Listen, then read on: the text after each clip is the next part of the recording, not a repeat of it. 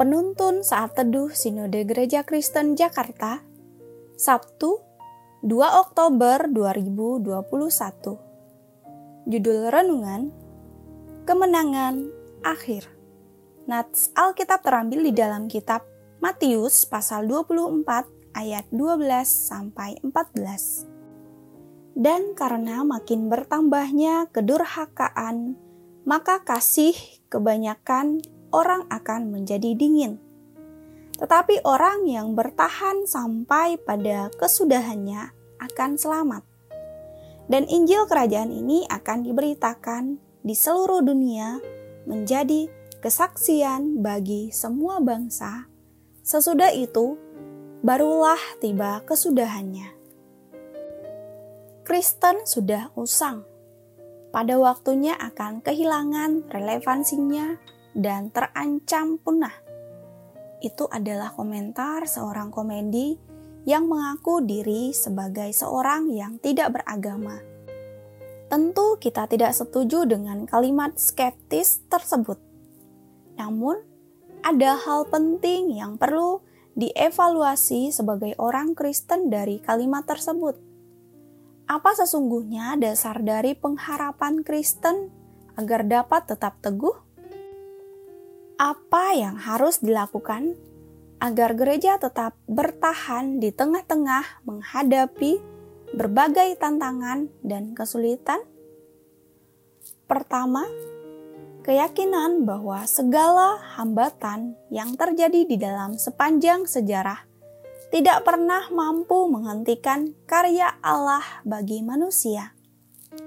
Pada nats renungan hari ini, Yesus menunjukkan bahwa akan muncul berbagai tantangan dan hambatan bagi orang percaya dalam dunia. Ajaran sesat, perang, bencana alam, penganiayaan, dan bahkan keapatisan manusia. Ayat 4 sampai 12. Hebatnya, Injil tidak dapat dibendung oleh berbagai tantangan itu Injil selalu bertahan di tengah gelombang dan hantaman dunia. Bukan hanya itu, Injil justru akan terus berkembang. Kedua, Tuhan mencari orang yang bertahan dan bertekun di dalamnya. Mereka yang memiliki sikap seperti ini adalah ciri dari mereka yang diselamatkan. Ayat 13 Tuhan mencari umatnya yang sungguh-sungguh tekun dan bertahan dalam segala situasi dan tantangan. Tekad untuk memberitakan Injilnya tidak diubahkan oleh situasi dan kondisi apa pun. Yesus meneguhkan orang-orang yang bertekun itu dalam kalimat selanjutnya yaitu bahwa Injil akan diberitakan ke seluruh bangsa. Sesudah itu, barulah tiba kesudahan. Artinya, penggenapan dan kemenangan misi Allah bagi segala bangsa pasti akan terjadi pada akhirnya. Terkadang begitu banyak godaan bagi anak Tuhan untuk berhenti memberitakan Injilnya.